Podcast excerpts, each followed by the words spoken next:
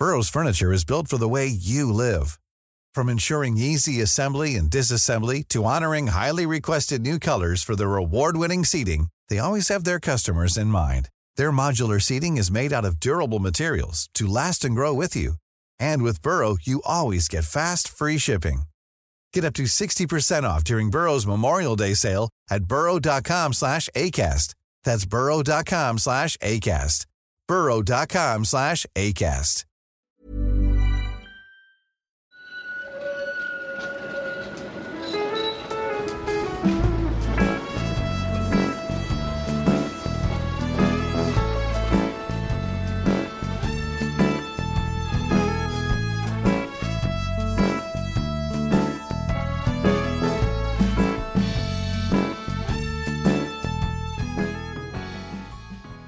Hej och välkomna till Gator och torg i Göteborg, en podcast om platser i Göteborg. Jag heter Mattias Axelsson och normalt sett så brukar jag vara den som pratar mest, men när jag är den som hälsar välkommen så vet ni ju numera vem det är som sitter på andra sidan bordet. Det är nämligen Martin Ahlstedt. Välkommen tillbaka till podden. Tack.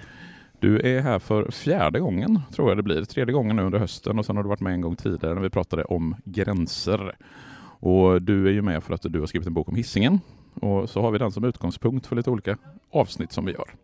Och sen så förutom att du är med i podden så ska du också hålla en, ett litet föredrag utifrån din bok.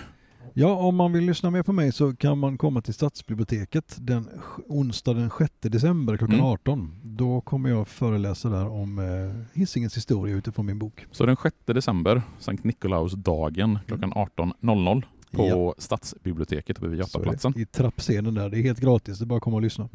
Och idag så befinner vi oss på det kanske märkligaste platsen som vi har varit på än så länge i poddens historia. Åtminstone den mest otillgängliga platsen i någon mening. Hur tog du dig hit? Jag skulle åkt buss, det slutade med att jag fick ta en taxi istället. Mm. En buss blev inställd och då blev det för långt att vänta på nästa buss. Så Mm. då ja, fick det bli taxi. Ja, och jag har cyklat hit och det som skulle varit en cykeltur på ungefär 30 minuter blev ungefär 47 minuter för att jag cyklade fel tre gånger. Och vi befinner oss alltså i Arendal vid hållplatsen Arendals portal. Mitt inne i smeten av olika industriverksamheter, eller kanske ytterkanten av eh, smeten av industriverksamheter. I närheten av Arkens spa, eh, ligger precis här ovanför.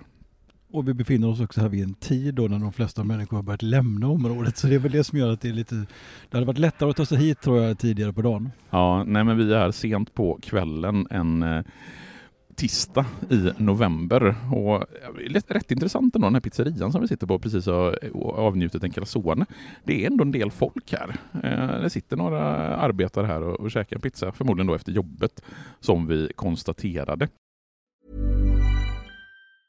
Mom deserves the best, and there's no better place to shop for Mother's Day than Whole Foods Market. They're your destination for unbeatable savings, from premium gifts to show-stopping flowers and irresistible desserts. Start by saving 33% with Prime on all body care and candles. Then get a 15-stem bunch of tulips for just $9.99 each with Prime. Round out Mom's menu with festive rosé, irresistible berry chantilly cake, and more special treats. Come celebrate Mother's Day at Whole Foods Market. Burrow is a furniture company known for timeless design and thoughtful construction and free shipping, and that extends to their outdoor collection.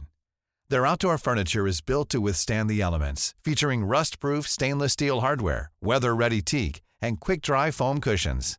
For Memorial Day, get 15% off your Burrow purchase at burrow.com slash ACAST and up to 25% off outdoor. That's up to 25% off outdoor furniture at burrow.com slash ACAST. Arendal är det vi ska prata om. Du skriver en del om Arendal i din bok som heter Den heter Hisingen, ön i gränslandet. Jag Ja. visste det egentligen, men jag ville vara säker så att jag inte sa fel där, så att jag lät dig ta titeln. Jag kan väl säga att i del tre, den boken är indelad i tre delar. Del tre där listar jag ett antal historiskt intressanta platser på Hisingen och de är ju bokstavsordning. Mm. Vilket gör att Arendal då kommer först. Eftersom det börjar på A. Mm. Så egentligen borde vi ha börjat vår lilla miniserie om Hisingen med Arendal, men nu blir det så att vi avslutar höstens lilla miniserie om Hisingen med Arendal. Men eh, alltså Arendal, det är ju ett, jag tror att många känner till Arendal som namn. Men om vi ska börja med benet, vad är Arendal egentligen för någonting? Ja, alltså det är ju så att namnet Arendal kan syfta på ganska många olika saker lite beroende på om man har ett nutidsperspektiv eller historiskt perspektiv. Mm.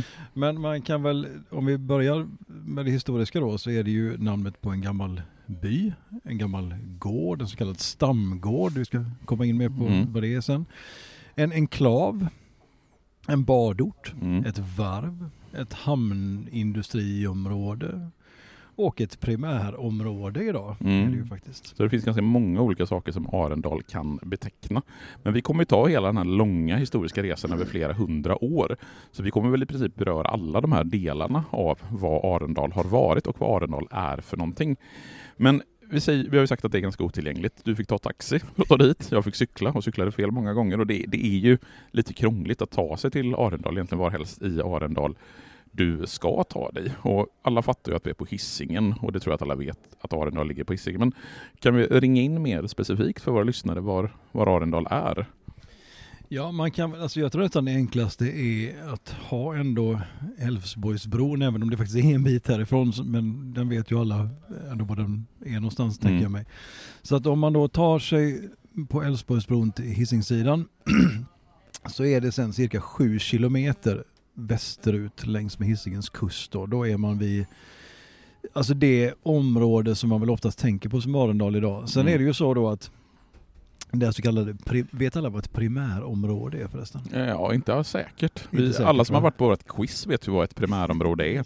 Eh, Men det är ju en indelning som Göteborgs stad har gjort. Vad finns Ja. det? 24 primärområden på Hisingen totalt sett. Det gör det.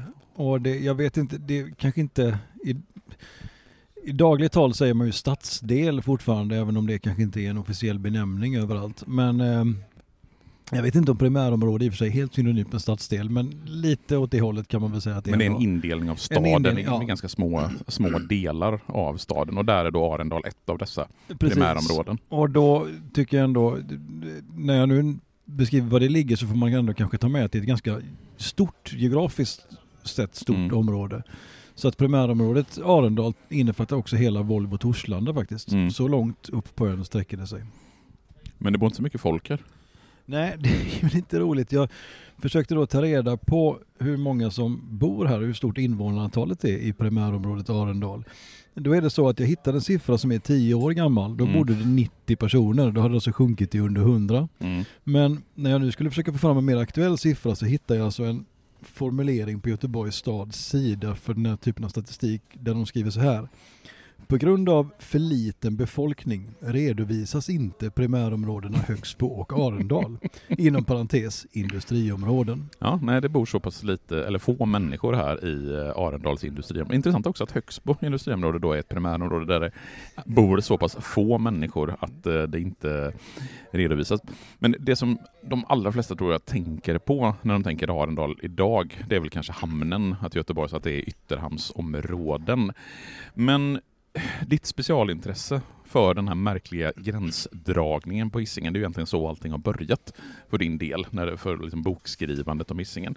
Eh, du nämner att Arendal är en enklav på Hisingen och att det har då med den gamla norsk, eh, norsk-svenska gränsen att göra. Kan du förklara det där egentligen? Ja, vi, och de som har hört oss förut här känner ju kanske till gr- grundhistorien då, men om man inte hört förut så får vi ändå kort då Mm. kanske ändå påminna eller berätta igen att Hisingen historiskt alltså är delad i, i två delar kan man säga då, där en är eh, till Västergötland och den andra Bohuslän. Och den som till Västergötland var ju då blev svensk redan på 1200-talet fram till 1658 medan resten av Hisingen då var norsk Mm. fram till 1658. Eh, Och nu är vi alltså i en, i en del av den västgötska delen. Alltså den här gamla svenska delen då eh, som fortfarande idag tillhör landskapet Västergötland är delad i två delar. Mm. Varav en då är betydligt större än den andra och Mm. den mindre delen, alltså enklaven, det område som tillhör ett större område, är det är där vi befinner oss nu. Mm. Och den kallas då ibland i gamla källor som jag hittat för Arendalsenklaven. Så jag har inte kommit på det uttrycket själv. Nej. Nej, men det är för, väl inget officiellt namn men det förekommer en del äldre källor. om inte annat så är det ett jävligt coolt namn Ja. att kalla det för Arendalsenklaven. Nej, men just det här, det finns ju väldigt fina kartor i din bok som verkligen rekommenderar att man ska köpa över den här gränsdragningen. kan man se att det sticker upp som två tungor nästan från eh, Göta älv. Där den större tungan då, eh, ja men det är väl Lindholmen och så Lundby och, Back, och så upp mot Tuve. Och sen så har du den lille, lite mindre tungan där till vänster om Älvsborgsbron. Precis, det är ju alltså Lundby och Tuve socknar och Mm. Lundby och Tuve är ju fortfarande så pass beg- bekanta begrepp Mm. så att de tänker att man kan använda även i, i moderna sammanhang. Mm. Eh, som, som är då den här västgötska delen. Men sen är det intressant då för att Arendalsenklaven alltså hängs på där så att säga. Mm. Men vilken, vilken eh, socken då? Är det Tuve socken som Arendalsenklaven då tillhör som enklav? Mm. Det är ju kanske inte så ofta man får tillfälle att lägga ut texten Fan vad du, vad, du, vad du njöt av att få den frågan kände jag där. Ja, det är ju nämligen Nästan, så nästan då. lite orimligt mycket. Precis, men det här tycker jag är lite spännande får jag erkänna eh, som den nörd jag är då. Mm. Nej men alltså Arendalsenklaven tillhörde faktiskt från början Tuve socken. Men år 1860 så bytte området socken och kom att höra till Lundby istället. Mm. Och det var alltså byborna här själva som begärde det. Mm. Ehm, och det här, alltså om man försöker då gå längre tillbaka i historien och förstå varför det kom att höra till Tuve så, så har jag tyvärr inget svar på det. För det, det har ingen, jag har inte hittat någon Mm. Men det som var, det var så om det var helt enkelt. det var så det Mm. blev någon gång för länge sedan. Men däremot då 1860, det är ju inte så länge sedan ändå, så där finns det ganska bra källmaterial faktiskt. Eh, och det, jag har då använt mig av en bok som heter En bok om Tuve, Mm. som jag rekommenderar. Det är en, jag har använt flera sådana böcker som handlar om Hisingens socknar. Det Mm. finns fina böcker skrivna om alla Hisingens socknar. Mm. Eh, En bok om Tuve kom ut 1967 i samband med att Tuve landskommun, som det då hade kallats, eller kommit att kallas, men det var ju gamla Tuve socken, eh, införlivades i Göteborg så att den slutade existera. Mm. Och då sammanfattade man hela socknens historia i den här boken. Mm. Och där finns det ett helt kapitel som beskriver faktiskt just när de här då fyra byarna som det var, Arendal, Häröd, Synneröd och Syrhåla, Mm. som tillsammans utgjorde Arendalsenklaven, bytte socken. Mm. Och hur gick det då till? Mm. Vad är det då som händer här 1860 Ja, när de här byarna byter socken? ja, det är alltså så att de, för det första så hade de ju redan sen så länge de som i alla fall levde då kunde minnas ändå sett sig som Lundbybor Mm. och använt kyrkan i Lundby. Mm. Så det här var ju egentligen en formsak för dem. Mm. Alltså de tyckte helt enkelt det var dags att också officiellt byta socken. Mm. Ehm, och då, ehm, det finns ett citat här då när de, i en skrivelse där de, de uppger alltså att de alltid i alla avseenden hade ansett sig höra till Lundby. Deras barn hade döpts i Lundby, ungdomarna hade konfirmerats där, de döda hade begravts där. Eh, så att, ja, det är helt enkelt så att de tyckte att det var dags att det också blev så på riktigt. Ja. Eh, och det finns också då källor som visar att eh, sockenstämman i Lundby hade bestämt att ett av sockens fattighjon skulle tas om hand i i Arendalsenklaven. Så det, det, det finns stöd för att det, de inte bara hittade på detta utan att det faktiskt Mm. var så. Och sen så så är det en lite kul detalj här tycker jag. att Det, det verkar ju varit ganska enkelt att få igenom det här bytet. Men det är ändå så att Tuve tappade ju sin enda kust. Ja, just det. För det, det innebär ju att Tuve blir liksom inlåst, de blir landlocked där Precis. uppe. Mm. Och då ville de ändå ha lite för detta. Mm. Så att det, det, de ville ha Syrhålas vinsädesavgift. Mm. Det är ett begrepp som Ja, jag... Jag, jag försökte ju när jag gick igenom ditt manus att ta reda på just vad vinsädes, jag hittade vinsädestionde, men jag hittar fan inte mycket. Det finns några belägg i, på Riksarki, i Riksarkivet Mm, mm. och eh, lite beskrivningar. Alltså tionde det är ju den här att man betalar en tiondel av sin skörd eller det man eh, producerar på en gård till först var det till kyrkan och sen efter reformationen så var det två tredjedelar som gick till kronan och en tredjedel till, till kyrkan. Men just det här vinsädesavgiften eller vinsädestiondet hade jag faktiskt inte hört överhuvudtaget ti- tidigare. Nej, det är ju kul, men här dyker det upp då. Mm. Det, och det är faktiskt in på 1900-talet då så skulle den här avgiften betalas Mm. till Tuve fort, fortsatt från Syrhåla. Ja, alltså är det någon av våra lyssnare som vet vad det här vinsädes, eller som kan mer om vinsädestiden och vinsädesavgiften så får ni jättegärna höra av er till mig eller till Martin. För vi är väldigt sugna på att veta mer om vinsädet alltså. Något enklare då är ju kanske att eh, Lundby också då ville ha lite pengar. Så de eh, ville ha 150 riksdaler helt enkelt i betalning för att genomföra den här förändringen. Men det godkändes också så att det, det blev så. Man skrev till kungen, var Mm. man tydligen tvungen att göra på den här tiden då för att få det godkänt. Men det Mm, verkar också ha varit en formsak för det godkändes mm. omgående. Nej men här hoppar vi ju ganska snabbt framåt i tiden till 1800-talet. Eh, Jag tänker vi kan väl ändå hålla oss kvar i lite mer flydda tider. Eh, Det händer ju spännande saker i Arendal även innan 1800-talet. Eh, Det finns bland annat ett gammalt gårdshus här i Arendal som du vill berätta lite mer om. Ja, det här är ju en fascinerande historia. Vi kommer komma in på det här gårdshuset vid lite, också längre fram här tror jag. Men för det fanns faktiskt kvar tills inte allt för många år sedan, eller Mm. väldigt nyligen alltså. Men om vi tar det från början så är det ju så att från, ja, namnet Arendal för det första är känt sedan 1200-talet. Men det är alltså så att ända sedan 1520, 1529 Mm. så kan man också följa listan av ägare för Arendals gård som då var en adlig gård. Mm. Det här är också lite snårigt för det finns ju olika namn för adliga gårdar. Det kan vara en herrgård eller ett säteri eller Mm. stamgård som det kallas här. Jag har försökt reda ut skillnaden och det är lite snårigt tycker jag. Mm. Ja, nej, jag, jag ska absolut inte ens försöka ge mig in på skillnaden mellan olika typer av adels eller frälsegårdar och det vad de kallas begrepp för. som du Mm. sa där precis. Ja. Men i alla fall Arendals stamgård har man kallat detta och det är alltså en gammal adlig gård då från, man, det finns namn, man kan följa namnen på ägare sedan 1529. Och visst är det så att även, precis som vi pratade om i avsnittet om Gårdsten, där man kunde se Gårdstens gamla gästgiveri längs med eh, motorvägen, hur det liksom finns på Google Maps och sen försvinner från Google Maps. Så visst är det på samma sätt med det här huset?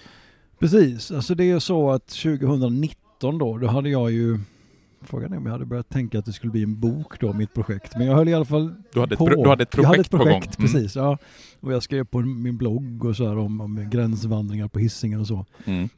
Men då i alla fall så, så hittade jag både på Eniros och Googles kartor och så kunde man se det här huset. Mm.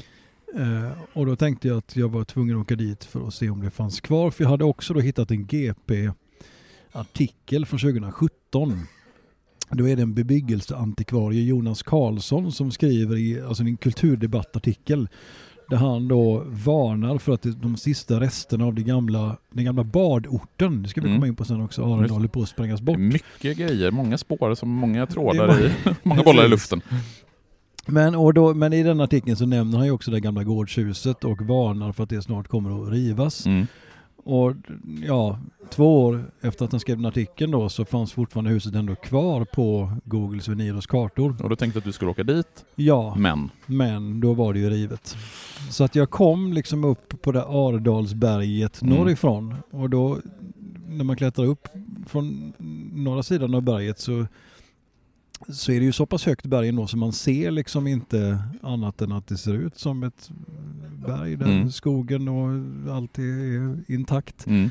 Men sen när man kommer över sluttningen då så ser man ju att där har ju industrin tagit över och Ja. sprängt bort stora delar av berget och Ja. redan då var alltså det här gamla gårdshuset bortsprängt. Ja, men man kan ändå, även om man inte vet var det låg, så kan man ändå på något sätt med hjälp av gatunamn på olika sätt lista ut det. Ja, det är ju nämligen så att Stamgårdsvägen är fortfarande namnet på den lilla vägstump då som går upp från Oljevägen som ju mer kanske talar om Mm. området används till idag. Lite mer nutida namn känns det som. Precis. Men Stamgårdsvägen finns kvar som vägnamn och om man hittar det, den vägen på kartan då som heter så, så så är det helt enkelt så att det här huset låg precis vid den vägstumpens ände. Mm. Ehm, Så är det. Ja, eh, men det här, den här gården har ju varit, eh, alltså långt innan den rivs och långt innan 1800-talet så har ju den gården varit i händelsernas centrum 1700-talet till exempel. Mm. Precis, den ligger ju lite strategiskt till för att vara i centrum på 1700-talet får man ju säga. Ehm, ja, det, det är ju helt enkelt så att precis nedanför Arendals, gård, alltså rakt söderut ut i älven, Mm. Så kommer man ju då till ja, nya Älvsborgs fästning helt Mm. enkelt. Då är vi på Kyrkogårdsholmen där eh, man då bygger på eh, mitten på 1600-talet. Bygger där försvaret Skansen för att försvara Göteborg. Och det får ju betydelse i början på 1700-talet.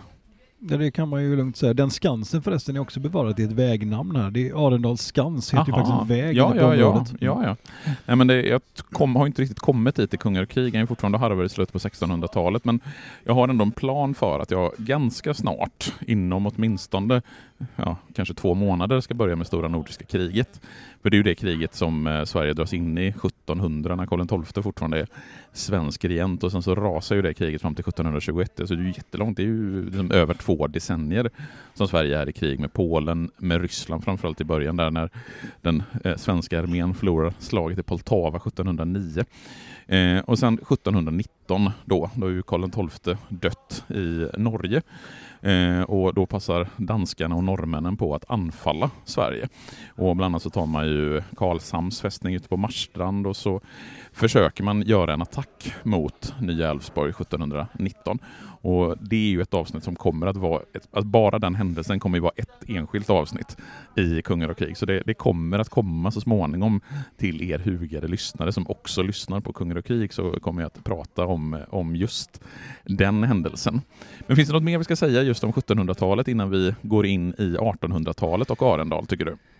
Ja, men vi, vi som sagt, vi, vi släpper eh, 1719 här då. För Ja, jag det, tänker det, vi- blir- det blir för långt stickspår. Vi kör det i, i, i Kungar och krig, där kan man garanterat föra mer om eh, anfallet mot uh, Nya Älvsborg 1719. Precis, men däremot så även om vi släpper just det, händelserna precis då så, kan, så ska vi ändå hålla kvar lite vid närheten till Nya Älvsborgs fästning. Mm. För det kommer ju spela fortsatt roll. Eh, för det är ju som vi väl sa här förut då också att gården blev ett så kallat gästgiveri som jag vill uttala det men Ja, alltså jag säger ju gästgiveri också. Eh, och det, det är så jag har sagt jämt. Men du tänker att man ska säga gäst...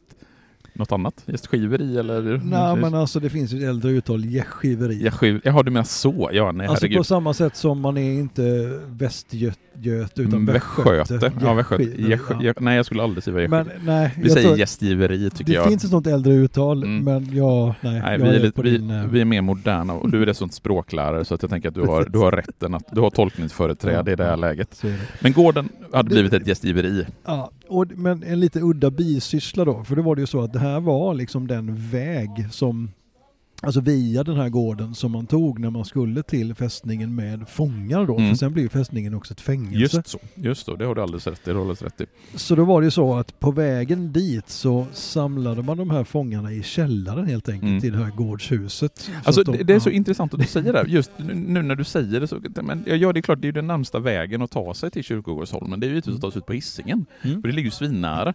Alltså jag som fastlandsbo tänker ju alltid liksom att det är från det hållet man kommer. När man till exempel ska till, alltså var helst man ska.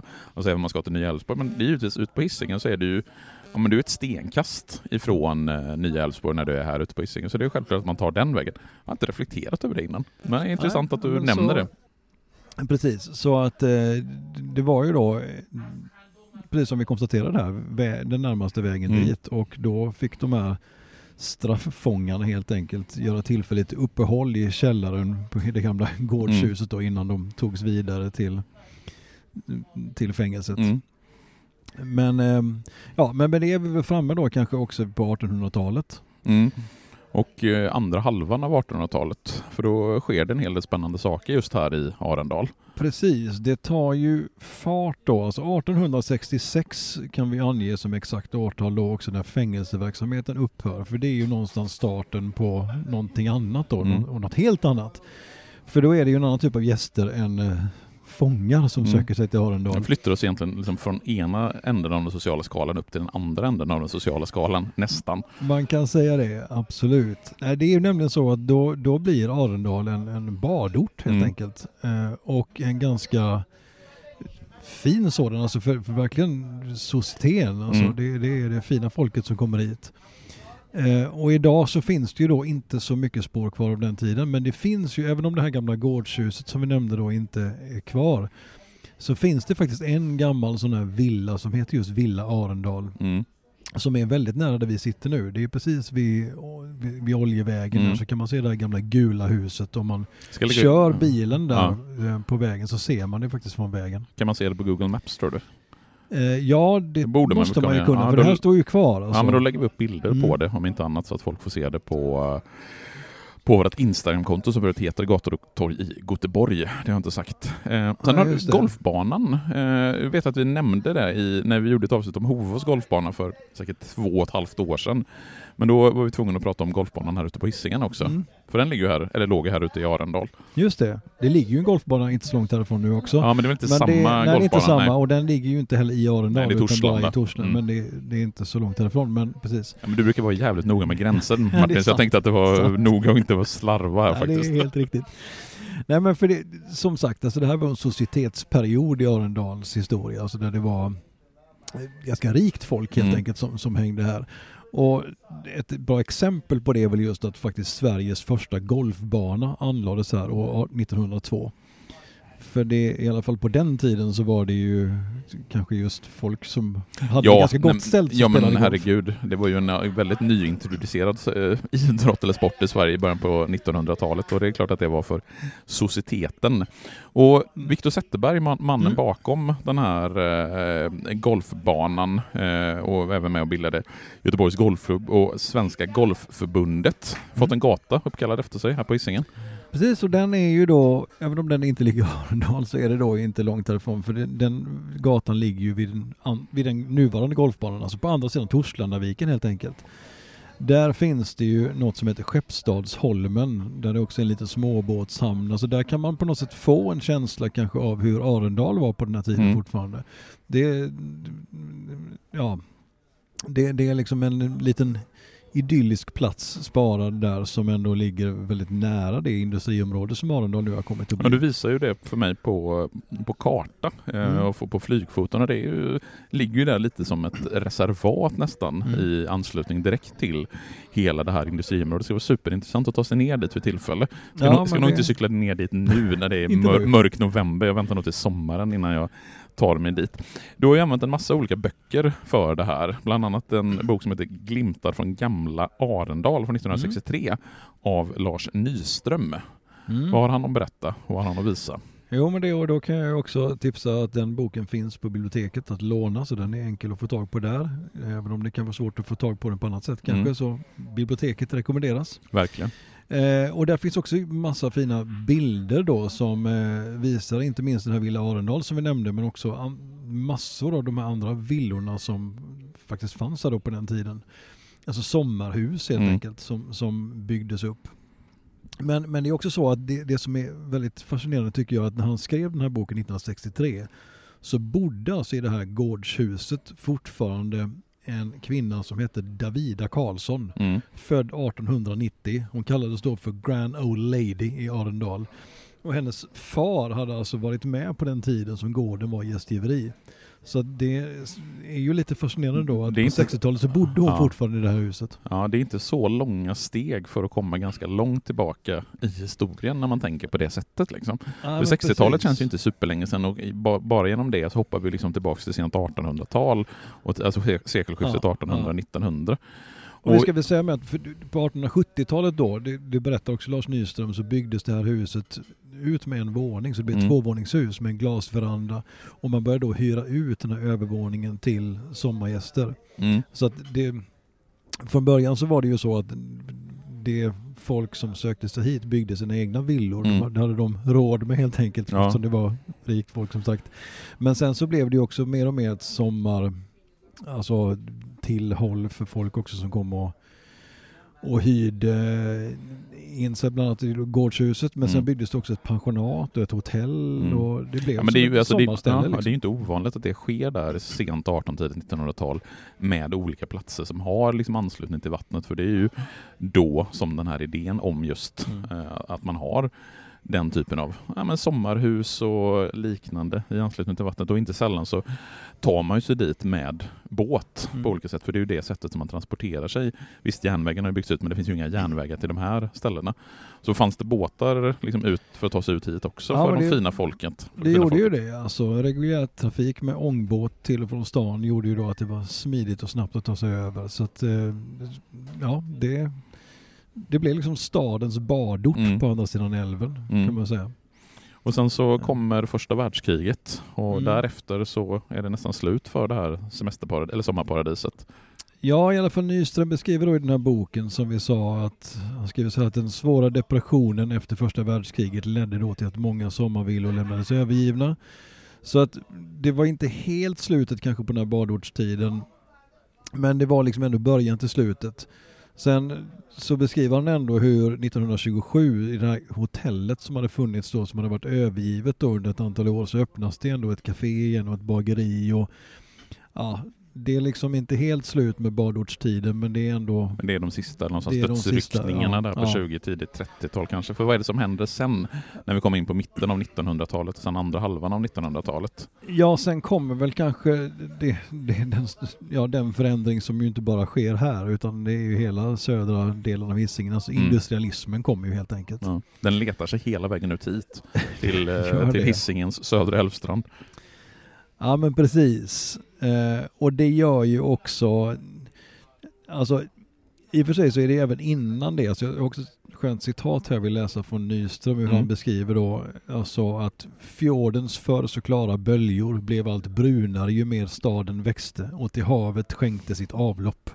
Ja, Baden var inte längre lockande, villorna blev tomma och samhället fick leva på minnen från fornstora Ja, dagar. det är vackert alltså. Det är Ja. formuleringsglädje som man ju avundas nästan. Eh, Ja, Och det, och det är också så målande någonstans som en beskrivning av hur man uppfattar den här förändringen av, av den här delen av Mm. hissingen. För det som kommer nu, det är ju, ja, vi skulle kunna beskriva som varvsepoken och Mm, hur mm. viktig den blir för Arendal. Ja men det är ju så. Och då är, det, då är vi framme nu i slutet av 50-talet då när Mm. alltså ja, Götaverken är det ju som sätter igång arbetet då med ett nytt varv här i, i Arendal. Det är, även här har jag hittat två små skrifter på biblioteket faktiskt som, som beskriver, de, de är ganska snarlika och också snarlika titlar. Den ena heter Arendalsvarvet, ett varv byggt på nya idéer. Och den andra Arendalsvarvet, en idé och dess förverkligande. Känner ni nu hur det suger till att ni vill låna de här två skrifterna? En idé och dess förverkligande, Arendalsvarv. Fan vad det är, det är en, det är en riktigt klatschig titel alltså. Och det som beskrivs då är den så kallade Arendalsprincipen. Mm. Och jag ska väl erkänna att det här är ju kanske inte riktigt mitt expertområde så även om jag har läst det här nu så ska jag inte ge mig in det kanske på detaljnivå i den här Arendalsprincipen, principen. nej. Men, men hur som helst så, så kan man ändå kanske sammanfatta det som då att det, eller jag, jag citerar från en av de här böckerna, att det som krävs för den här principen är en lång och relativt smal landremsa i rät vinkel mot ett, en kort strandfront. Och har man tillgång till det då, vilket man kunde få här, så kan man alltså bygga båtarna inomhus i stor utsträckning. Eh, och då med en ny metod som gjorde att man kunde bygga på halva tiden. Mm. Så det gamla, gamla Götaverken ägnar sig från och med då bara åt reparation. Det är här man bygger de nya båtarna. Mm.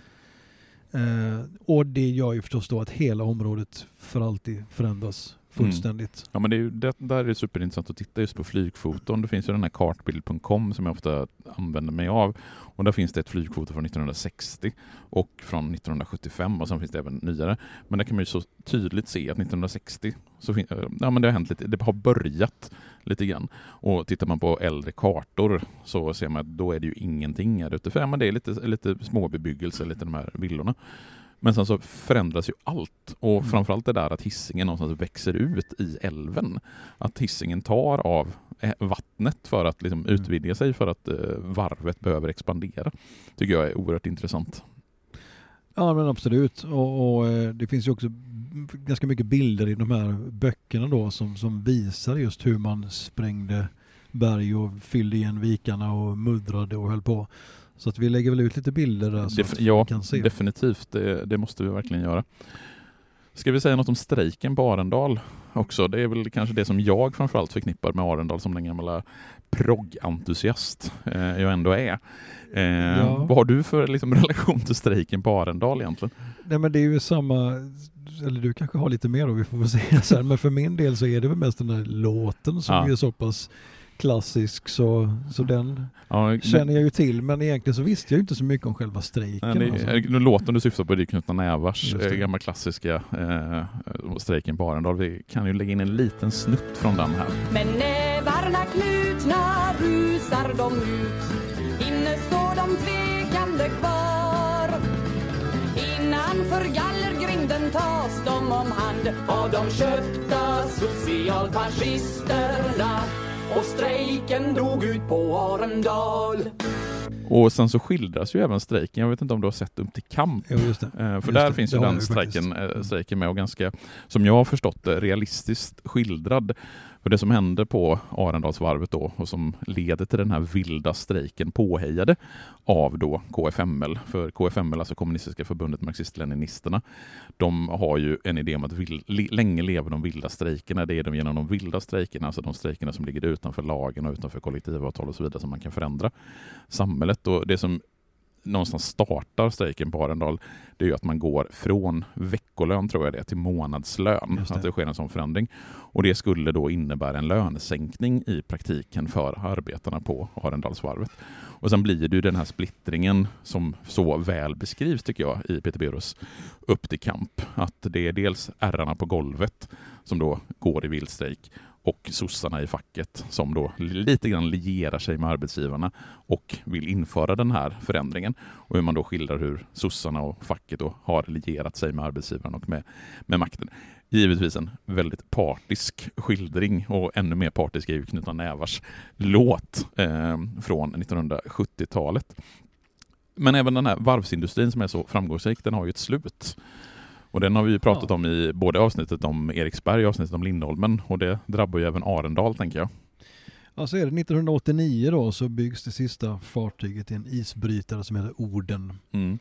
Eh, så då är den epoken slut, men det är klart att industriepoken var inte slut med det. Nej, det är ju det som fortfarande präglar Arendal i väldigt stor utsträckning med, med, ja. Eh, med oljehamnen och det som vi har längre ut här. Men det här gamla gårdshuset som eh, du var och letade efter här runt 2019 i, i ditt projekt. Det finns ju lite mer att berätta om det mm. ändå. Det stod ju kvar väldigt länge trots att det byggdes industrier runt omkring och industrin expanderade. Ja men det gjorde ju det. Jag blev ju som sagt nyfiken på det här huset då när jag började läsa på lite mer om det här för ett antal år sedan. Eh, och den här artikeln jag nämnde förut då med, som bebyggelseantikvarie Jonas Karlsson skrev där han oroade sig för hur mm. det skulle gå med huset 2017. I den artikeln så beskriver han då hur faktiskt Bandidos hade haft det här huset som mm. sitt högkvarter oh, i ja, cirka 15 års tid i alla fall. Mm. Um, och det verkar helt enkelt gå till så att de, det, det, finns också en artikel i Expressen som jag har hittat där man kan läsa ännu mer om det här. Mm. Um, den artikeln heter Fone gängprofilens miljonaffär med Göteborgs kommun. Oh. Den är från januari 2017. För det var så att kommunen köpte tillbaka huset då. Ja. Men då hade man alltså lyckats sälja det billigt 15 år tidigare till någon person som sen hade ja, gjort det till Bandidos ja, tillhåll. Och då byggt om och förvanskat det här huset mm. så att det inget var sig likt.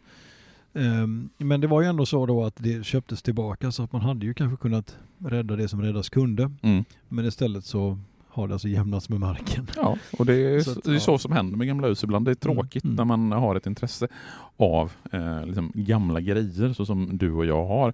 Men nu har vi då liksom under en dryg halvtimme här tagit oss igenom Arendals historia från enklaven som bytte socken i gränsområdet mellan Sverige och Norge via en semesteridyll och eh, golfbanor och den, de första varven och det som sen växer fram med ytterhamnar och oljehamnar. Och vad är Arendal idag egentligen?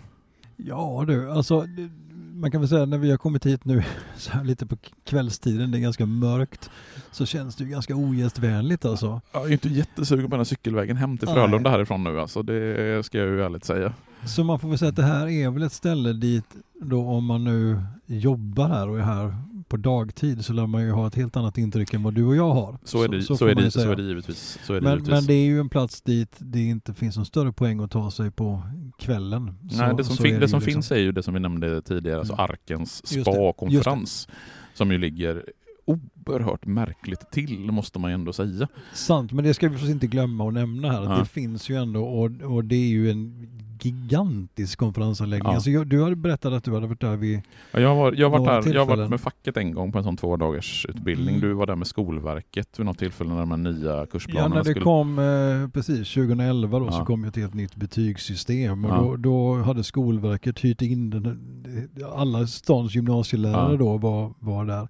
Jag minns det som den största Men det är ju konferensanläggningen en, det är ju en på. gigantisk konferensanläggning och så därtill så Mm. finns det ju ett hotell och även en spaavdelning som jag faktiskt kan rekommendera. Det är en väldigt trevlig spaanläggning med bland annat utomhuspooler som, ja visst det ligger lite udda till men... Men det är ändå så, för du säger att bad och spa, för de, jag var faktiskt inne och tittade på deras hemsida Mm. och de har ändå koll på sin historia. Så Ja, de, de, bra, ja, bra, bra, de skriver om Arendal som badort och Mm. att de tycker att de liksom för den Ja, traditionen men det, vidare. det är trevligt med är den typen av historiebruk någonstans när, när en, ett sånt eh, ställe faktiskt ändå har lite koll på sin Mm. historia och, och försöker liksom där anknyta till historien. Eh, vill du säga något om Volvomuseet också innan vi avslutar? Det ska ju, det ska ju flytta. Skynda er dit får Ja. vi säga. Ifall man, jag eh, måste erkänna att jag inte riktigt har koll på vart det ska flytta men Nej. än så länge ligger det här och 20 december kommer det Ja, det är stängas. inte många veckor kvar tills dess så att, eh, ska ni dit så, så skynda er. Mm. Annars får ni leta upp vart det ligger när det väl flyttar. Med det så är vi klara med Arendal för idag och nu ska den här pizzerian dessutom stänga. De håller på att plocka upp sina sista grejer så det, de är nog glada med att vi blir klara. Eh, jag- Som sagt, klockan sju får man ta sig härifrån. Ja, och sen får vi hoppas att det går en buss för dig den här gången härifrån så du inte behöver ta taxi, eh, taxi till fastlandssidan. Tack så mycket Martin Ahlstedt för att du var med idag igen. Tack Mattias. Och eh, jag uppmanar er verkligen att eh, titta in och köpa Martins bok. Vi länkar till eh, någon, någon webbshop på nätet i avsnittsbeskrivningen. Så hörs vi igen om en vecka. Hej då!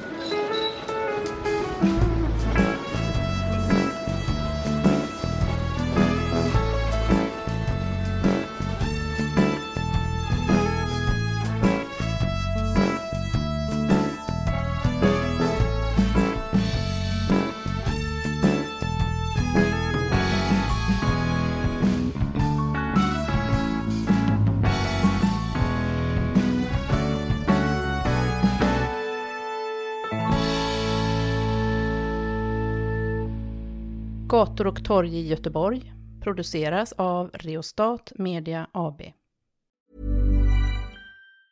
Mom deserves the best, and there's no better place to shop for Mother's Day than Whole Foods Market. They're your destination for unbeatable savings, from premium gifts to show-stopping flowers and irresistible desserts. Start by saving 33% with Prime on all body care and candles. Then get a 15-stem bunch of tulips for just $9.99 each with Prime. Round out Mom's menu with festive rosé, irresistible berry chantilly cake, and more special treats. Come celebrate Mother's Day at Whole Foods Market.